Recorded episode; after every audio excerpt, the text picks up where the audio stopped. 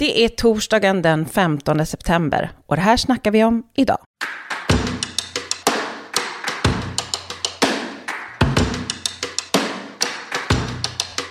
Demokratin har haft sin gång. Varje röst har räknats och nu finns det ett resultat.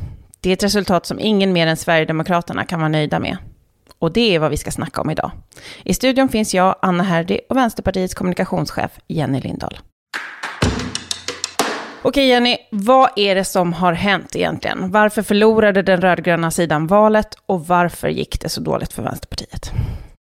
Det är kul att du frågar det, därför att det finns ju så mycket som jag tror både du och jag och varenda vänsterpartist har att säga om det. De hemmasnickrade banbrytande teorierna man får sent om kvällen. Just det, den här faktorn.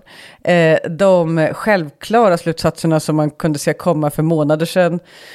Jag menar, det är hela spannet däremellan. Och inte minst käpphästarna.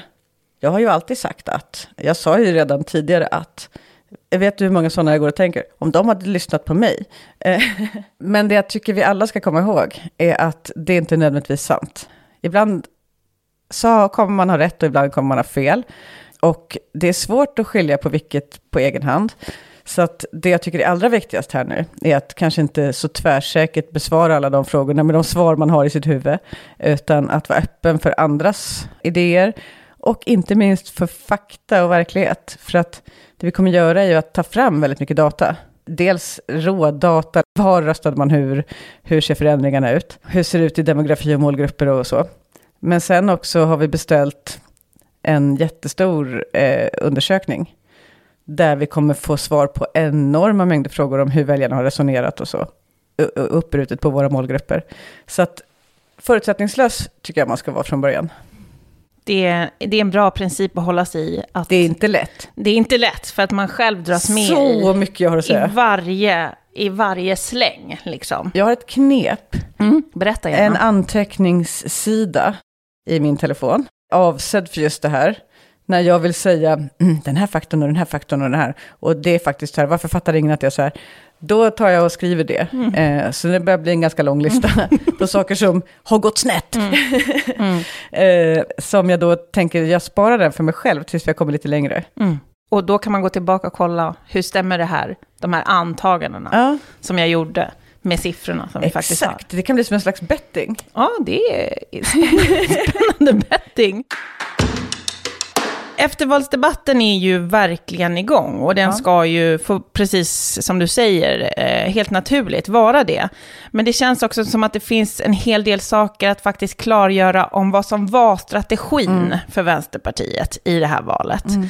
Det finns liksom någon slags, lite av en nidbild av att Vänsterpartiets enda idé var att rikta sig till bruksorter och att Nooshi skulle åka runt i en bygghjälm. Var det verkligen strategin? Jag skulle åka runt i en bygghjälm och flörta med manliga SD-väljare. Typ så var mm, bilden. Mm. Samtidigt som hon äter korv. Mm. Kanske häller ut bensin. Mm. Nej, det var inte strategin kan jag avslöja. Nej, men det finns en olycklig sammanblandning mellan två helt separata frågor. Det ena är klimatsatsningen och det andra är bruksortssatsningen. De har inget med varandra att göra egentligen. Förutom att det finns beröringspunkter i att när man ställer om, då ställer man också om industrin. Och det är någonting vi har lyft Eftersom det är en av de största utsläppen. Ja, det är typ 40 procent. Och det är någonting vi lite har förbis, förbisett i liksom tidigare politik, att ja, men hur ska de här ställa om? Att se till att erbjuda en infrastruktur som möjliggör det. Så det var ju Nooshis projekt då att eh, se, se på hur kan klimatomställningen genomföras? Hur kan vi konkretisera den? Hur kan vi få den att bli verklig? Och, och, i det så drog hon ju också mycket slutsatser kring att det kommer också skapa väldigt mycket jobb på ställen som behöver det. Och det var där synergin kom mellan bruksort, för att det är på bruks, bruksort några som det skulle skapa jobb. Bruksortssatsningen däremot, den handlar ju om att vi som parti, vi vill att vänstern ska bli större. Inte bara att Vänsterpartiet ska bli, bli större på bekostnad av Miljöpartiet och Socialdemokraterna utan att hela vänstersidan ska bli större. Och det som har skett med våra opinionssiffror förra sommaren, och alltså, under lång tid, så har det varit en tendens att Vänsterpartiet växer, vänstern minskar. Eh, så vi tar lite av S och MP och högern tar lite av oss alla tre. Mm. Och så bara fortsätter den tendensen. Och om vi då ska liksom dra vårt strå till stacken i det här. Vi vilar ett stort ansvar på andra partier också såklart. Mm. Men eh, då måste vi tänka att det kan inte vara bara MP-väljare och S-väljare som vi tar. Och i den förra valstrategin, 2018, då hade vi som mål att vi skulle bli så många väljare som möjligt. Vänsterpartiet skulle växa maximalt, så mycket vi kunde. Det var strategin. Röstmaximera. Röstmaximera. Eh, och hur gör man då? Ja, då kollar man alla de som inte röstar på Vänsterpartiet idag, men som är väldigt nära att göra det. Det blir då målgruppen. De ska vi rikta in budskapet till. Och det är i allmänhet typ miljöpartister. Mm. Så då tar man bara från dem. Och för att byta spår så tänker vi, vi satsar på att bredda oss till landsbygd, till hela landet, till arbetare i större utsträckning. Och då visste vi ju att det här är långsiktigt. Sen så fick vi ändå lite hopp när det gick så himla bra för oss efter marknadshyrorna, mm. att det kanske går att få genomslag redan nu. Mm. Men från början var det långsiktigt och helt orelaterat verkligen med mm. klimatsatsningen. Om vi konkretiserar liksom, eh, strategin lite grann, vilka var målsättningarna för Vänsterpartiet i den här valrörelsen? Dels var det att nå en rödgrön majoritet. Det låter kanske som en så självklar målsättning, men det är det ju inte därför att den kan stå i motsättning till röstmaximering. Mm. Eh, precis av de skäl som vi just pratade om. Mm. Så att sätta en rödgrön majoritet före partiets bästa, alltså sätta landets bästa före partiets bästa i det här fallet, mm. var, det var ett mål. Mm. Ett annat, som var lite i landets bästa, men också lite i partiets bästa, det var ju att bli fjärde största parti, att bli större än Centerpartiet. För målet med alltihopa var ju att få så mycket vänsterpolitik som möjligt. Och då var det en av de sakerna som vi med just valresultatet ville uppnå. Och det har vi ju som det ser ut som nu. Nu ska ju sluträkningen göras och allt ska räknas om igen och, och sådär. Men det ser ut som att vi nu har tusen röster fler än Centerpartiet. Och att det kommer vara svårt för dem att hämta hem dem i, i sluträkningen. Men vi hade ju också ett mål om att eh, ligga kvar på ungefär samma siffror som vi hade efter förra valet. Och det kan man säga att det misslyckades vi också med. Mm, precis. När vi resonerade vad är vi nöjda med och vad är en riktig framgång och så. Men då var vi ju beredda att offra lite väljare till till exempel MP. För det var ju en risk som fanns nedskriven i strategin. Gör vi så här så kommer vi kanske förlora en del taktikröstare till MP. Eh, och så, så, så blev det ju antagligen mm. också. Mm. Det blir tråkigare att stå ut med den förlusten när man inte fick det större målet. Mm. Men eh, det som vi tänkte då var i alla fall att det räcker med att vi inte backar utan att vi är stabila. Men vi var ju ganska mycket också säkra på att vi skulle få en ökning då, i det läget. Mm. Därför att vi hade legat så stabilt i opinionen på högre siffror. Mm. Ja, och det här var ju ingen mätning nästan eh, tippade ju in oss på rätt valresultat. Jag tror att det är Demoskop som kommer närmast med 6,9 som vi hade två veckor innan val, valdagen typ. Mm. Och vi visste ja. verkligen det här, men vi kanske inte tog till, till mm. oss det mentalt mm. tillräckligt för att mm. det kändes ändå överraskande. Mm. Mm. Men vi har ju varit med om exakt det här en gång förut, 2014. Våra väljare taktikröstade på Fi. De kom tillbaka till oss sen. Det kommer de här också göra tror jag. Om vi inte gör något mycket märkligt. Men eh, de är taktikröstade, våra väljare. Om man då ska kolla på vilka målgrupper var det vi riktade oss till i den här valrörelsen. För att där finns mm. det ju också, där har vi ju faktiskt gjort framsteg. Mm. Och det är ju viktigt att påminna sig om det nu i denna svåra stund. Mm. Ja, jag tycker här är mycket intressant att utvärdera och som vi verkligen kommer få mer data om och kunna ta reda på massor om. Men vi hade ju tre målgrupper. En var just de här väljarna som, som vi hade fått, som hade kommit till oss under de senaste åren. Som vi i målgruppsdefinitionen liksom, kallar unga progressiva. Men de behöver inte vara så unga, de behöver inte vara så progressiva. Men det är en slags eh, sammanslagning av demografi och värderingar. Mm, mm. Ofta storstad, ja, ofta de, högutbildad. Ofta. Men ehm, Ja, men man kan tänka sig en, en ung tjej som är högskoleutbildad och bor i Stockholm, Göteborg eller Malmö, mm. som en typisk sån, och som är feminist och liksom har progressiva värderingar mm. helt enkelt. Mm. Och det är en liksom väldigt typisk väljare för oss. Vi tänkte ju då i strategin att förutom av taktikröstning som vi visste att vi kunde bli av med dem, hur älskvärda vi än var så skulle det kunna hända. Mm. Men så tänkte vi att även om vi, in, vår retorik inte är direkt anpassad till dem som det var 2018, mm så kommer de stanna kvar ändå därför att de är ganska starkt identifierade med Vänsterpartiet. De tycker som Vänsterpartiet. Och alternativen är heller inte så många Nej. när man har de progressiva Men värderingarna. ett alternativ är ju att rädda ett av de tre partierna som liksom man vet står på den rödgröna, eller nu vet vi ju Centern också, men rädda Miljöpartiet är ju också ett alternativ och det var vad de gjorde. Lite för många valde just det, men det går inte att samordna sånt där ordentligt. Den andra målgruppen, det var ju bruksortsväljarna. Och som sagt, den kommer väl kvarstå, för det här är ett långsiktigt projekt. Den kommer vi fortsätta jobba med. Där har- vi inte sett några framgångar som är värda att nämna. Den tredje målgruppen däremot är jätteintressant, därför att det var miljonprogramsväljare. Strategin och retoriken, den var ju anpassad egentligen till de två målgrupperna bruksort och miljonprogram. Och när man har debatterat strategin så har man ofta glömt bort miljonprogrammet, att det faktiskt var målgrupp för kommunikationen. Och att vi bedömde att ungefär samma budskap funkar. Man vill ha en starkare välfärd. Man är inte så intresserad av livsstilsfrågor. Liksom, frågor. de materiella frågorna är viktigare. B- Beroende på att de materiella tillgångarna saknas. Antingen i infrastruktur för bruksortsväljarna eller i lite infrastruktur men också i personlig ekonomi i miljonprogrammen. Så klart att de materiella frågorna är viktigare om man inte har materialet.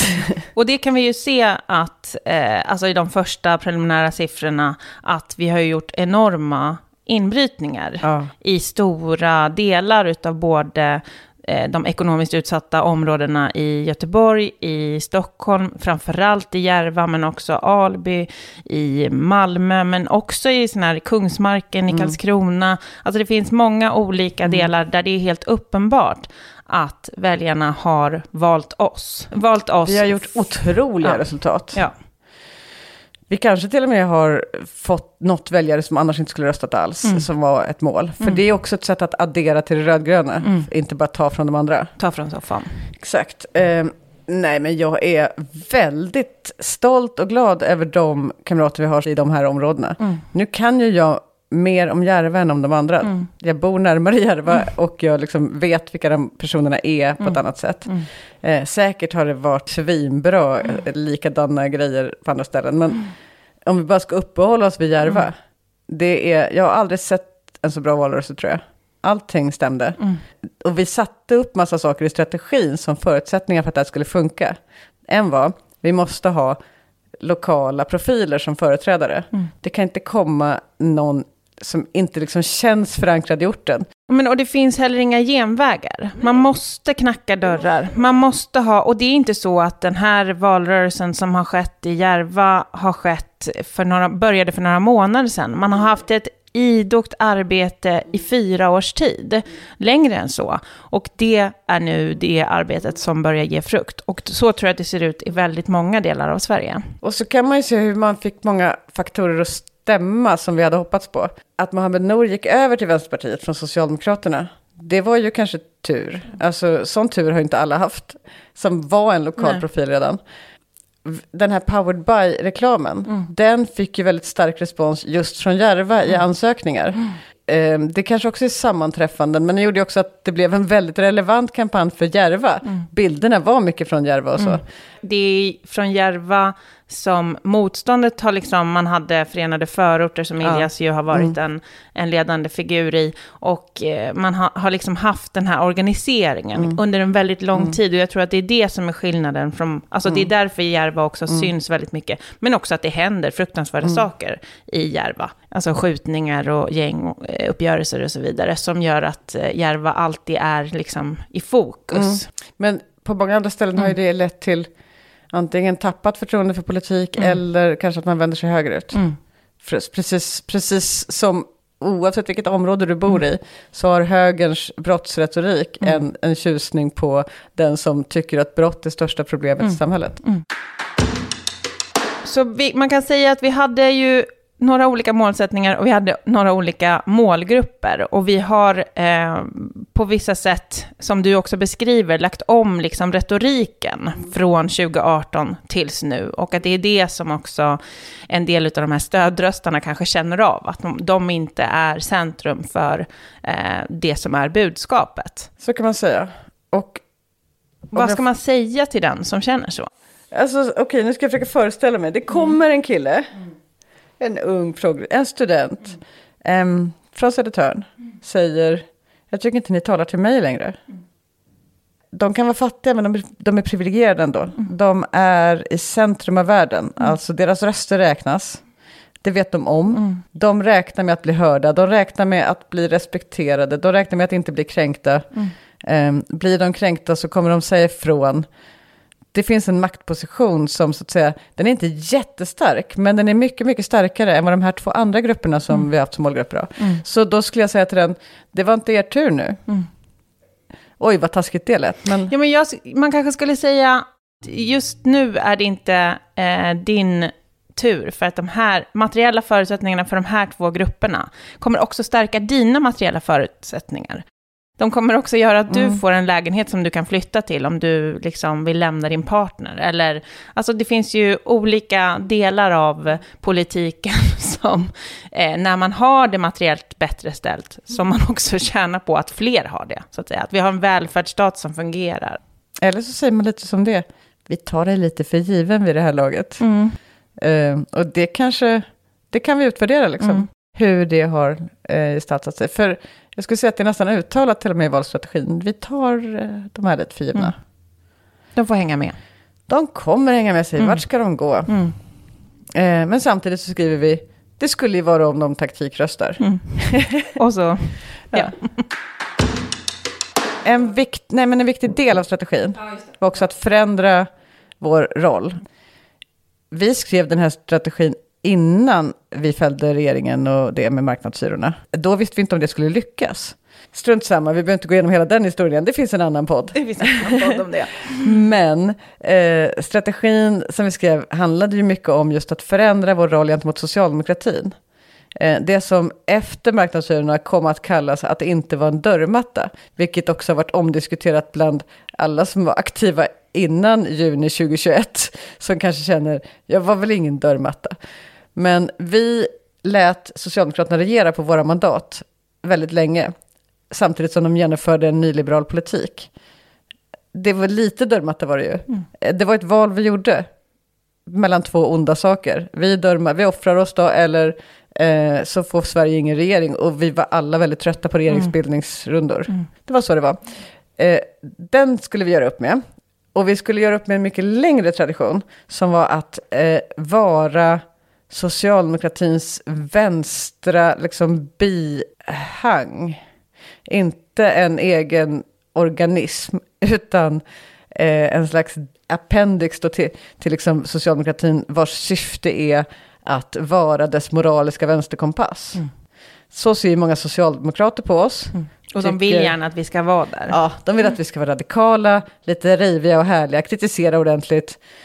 Och så har vi varit också. Eh, och det kan man se, för då kan man koppla ihop det här med vår ekonomiska politik. Vår ekonomiska politik har då hängt ihop med det och varit en slags, ja den har huvudsakligen gått ut på att omfördela Socialdemokraternas ekonomiska politik och göra den lite mer vänster.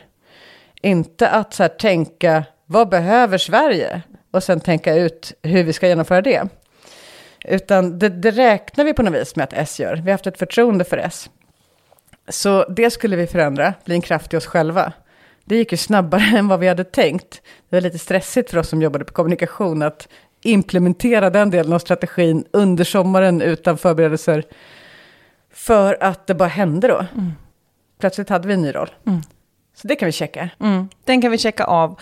Men den har ju också haft sin påverkan, kan ja. man säga, tänka, ja. i liksom hur vi har pratat, hur vi har formulerat ja. budskap. Det är väldigt få gånger Vänsterpartiet kräver saker numera, till exempel. Precis, för det kan man konstatera att det gör man av någon annan. Mm. Man kräver inte saker om det är man själv som måste genomföra det sen. Mm. Så det var en sån Utan språk. man söker mandat mm. för en förändring Exakt. snarare än att kräva någonting av någon annan. Det är vi som måste stå för ja. den förändring som ska ske om, om välfärdsvinsterna ska bort, om marknadsskolan ska avskaffas, om a-kassan ska höjas och sjukförsäkringen förbättras. Då är det vi som måste göra det, för det är ingen annan som gör det åt oss. Nej. Vi har lyckats få oss själva att tänka på det ja. sättet. Det är inte säkert att vi har lyckats få väljarna att se på oss Nej, på det men viset. Det är en bra början. Mm. Så slutar vi säga, så slutar vi formulera oss som om vi frågar mamma om hon kan jag, jag vill ha det här, kan du fixa det? Liksom. det? Det är inte vår roll längre. Men också, det kräver ju också att vi har en större ekonomisk politik. Att vår ekonomiska politik inte bara handlar om att få mer pengar till välfärd och mindre pengar till eh, typ rika. Utan att den måste också handla om att se till att hela samhället fungerar. Att vi måste ha en modell, att vi måste skapa jobb, att vi måste fixa omställningen. Eh, så att det har ju varit, det har ju tagit mycket fokus, sånt som inte kanske vare sig väljarna eller en vanlig partiföreningsmedlem eller en vanlig vänsterpartimedlem märker är ju hur det här, här på riksdagskansliet, här har det suttit folk och försökt formulera den politiken. och eh, den ledde också till många stora utspel i valrörelsen. Kollektivtrafikutspelet, eh, välfärds... Alltså det fanns... Förskolan, för, tandvården. Ja, stora reformer. Och de är ju en del av en större, en större plan. Mm. Um, och den kommer vi ju kanske inte få förverkliga i år då. inte heller nästa år, men kanske Nej. under nästa mandatperiod. Man, man vet ju aldrig. Eh, alltså att det har varit viktigt just för att inte bara vara en, en liksom sidovagn utan att vara en motor. Vi har en sak till från strategin som vi måste prata om som, som handlar om att förflytta debatten. Precis. Hur gick det med det? Det lyckades ibland, men inte i det långa loppet kan man säga. Eh, och det får vi också utvärdera varför. Eh, det kan vara så att eftersom vi var de enda som försökte så var det egentligen omöjligt. Socialdemokraterna hjälpte inte direkt till, utan tvärtom. Miljöpartiet och Centerpartiet älskar att ha debatten på eh, frågan om vem som är mest rasist. Minst, mest, ja. Eh, men det som är häpnadsväckande tycker jag är alla gånger vi trots allt detta lyckades flytta debatten. Okej, första gången med marknadshyrorna, då fällde vi en statsminister. Det är klart att det lite kommer i fokus. Då tar man lite medieutrymme. Vi hade också en väldigt stark liksom, eh, dramaturgi i det. Sen så var det också en viss dramaturgi. Ska vi stödja nästa statsminister och sådär? och då hade vi krav och då var det budget och allt det där. Eh, så att, att vi, när vi fick igenom sjukförsäkringen, då var det också, så då hade vi ett hot att komma med. Som hade blivit också lite mer trovärdigt. Samma sak med pensionerna. Vi använder de här parlamentariska situationerna till att sätta frågor på dagordningen. Men det som är så fascinerande och som jag får rysningar av är att de frågorna började ticka uppåt på väljarnas viktigaste frågor. De har varit undanskuffade och vi satte dem på dagordningen och väljarna bara yes, det här är viktigt. Och man kan titta också på de eh, siffror som till exempel Sverigedemokraterna hade under den här perioden, som backade under liksom, flera mätningar i rad där under hösten eh, 2021. Och det, och det tänker jag är eh, också, det korrelerar bra med hur vi faktiskt också förändrar debatten. Och jämförelsen här, alltså vi säger, vi kan få debatten att handla om ekonomisk politik, fördelning, materiella frågor och politikens roll i att Eh, genomföra reformer som kan lösa samhällsproblem. Det är en svår uppgift, liksom så här, typ, eftersom alla bara diskuterar åsikter och förnedringsstraff. Det är liksom en konstig debatt. Mm. Men, och en elkris i kölvattnet av ett krig ja, i närområdet. Men det var i alla fall materiellt. Mm. Och där hade vi också mm. något att komma med. Mm. Eller ja, vi hade såklart något att komma med på mm. alla områden. Mm. Men jag menar, det var också en debatt som in, mm. inte vi tyckte var fel på det viset. Så här, man tänker då, det här, det diskuteras bara etnicitet, att invandrare är ett problem och att de måste på olika sätt eh, typ petas på, förnedras, sparkas på lite för att samhället ska bli bra eller köras ut. Det, det är liksom, hur hamnade vi i den debatten? Hur hamnade vi där? Ja, exakt genom att någon försökte flytta debatten dit. Det är bara det att de var väldigt uthålliga. När började SD egentligen med det här projektet? Och hur lång tid tog det för dem att ha YouTube-kanaler som inte är töntiga, utan som folk gillar att kolla på? Eh, hur lång tid har det tagit för dem att eh, liksom få det här den här problembeskrivningen satt.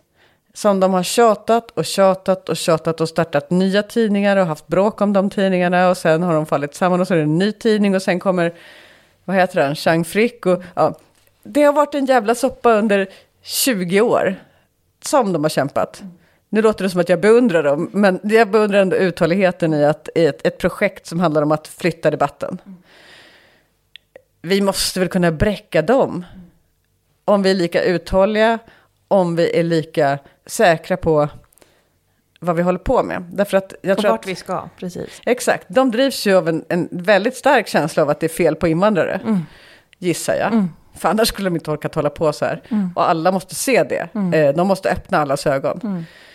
Frågan är, drivs vi av en lika gemensam känsla av vart debatten ska flyttas till det materiella? Nej, Mm. det gör vi inte. Därför att vi, precis som alla människor, brinner mer för enkla åsikter.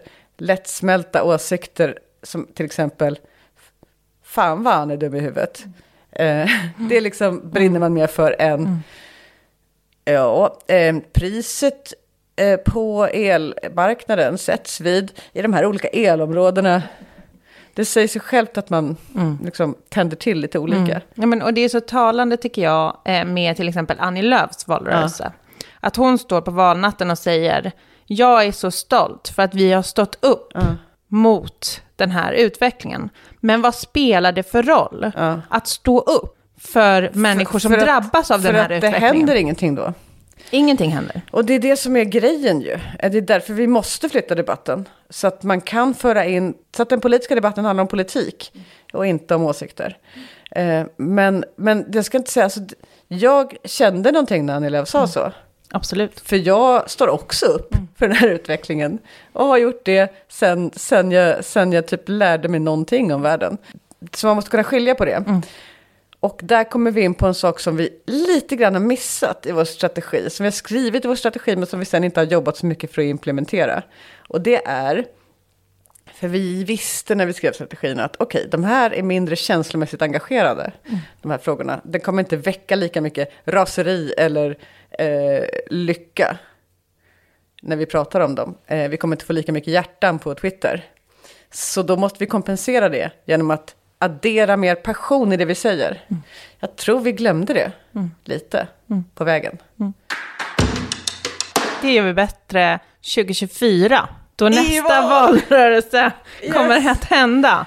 Vi ska vara passionerade i frågor om elmarknaden då. Då ska vi vara passionerade i frågor som rör människors vardag och hur EU-politiken påverkar den. Vi ska springa runt på stan med tabeller och jaga folk. Kolla, Kolla här! som bitcoin-entusiaster ska vi vara. Fast med Vi- el. Jag tror Jag att vi... hittar bara på. Ja, jag förstår det. Det här är en bra början på en intressant brainstorm inför, inför valrörelsen 2024. Och med de orden, vi lägger inte så mycket vikt vid vad som händer med den höga nationalistiska regeringen idag. Vi får spela in en ny podd om eh, den helt enkelt. Så tack för att ni har lyssnat. Glöm inte att om du inte ännu har blivit medlem i Vänsterpartiet så är nu tiden att bli det. Eh, sedan i söndags under valnatten så har vi blivit 2000 personer fler. Och det betyder att vi är långt över 30 000 medlemmar i Vänsterpartiet som varje dag och varje stund fram till valrörelsen 2026 kommer gör, göra sitt yttersta för att ändra den här utvecklingen och vända vinden tillsammans. Så tack för att du har lyssnat och ha en fortsatt trevlig dag.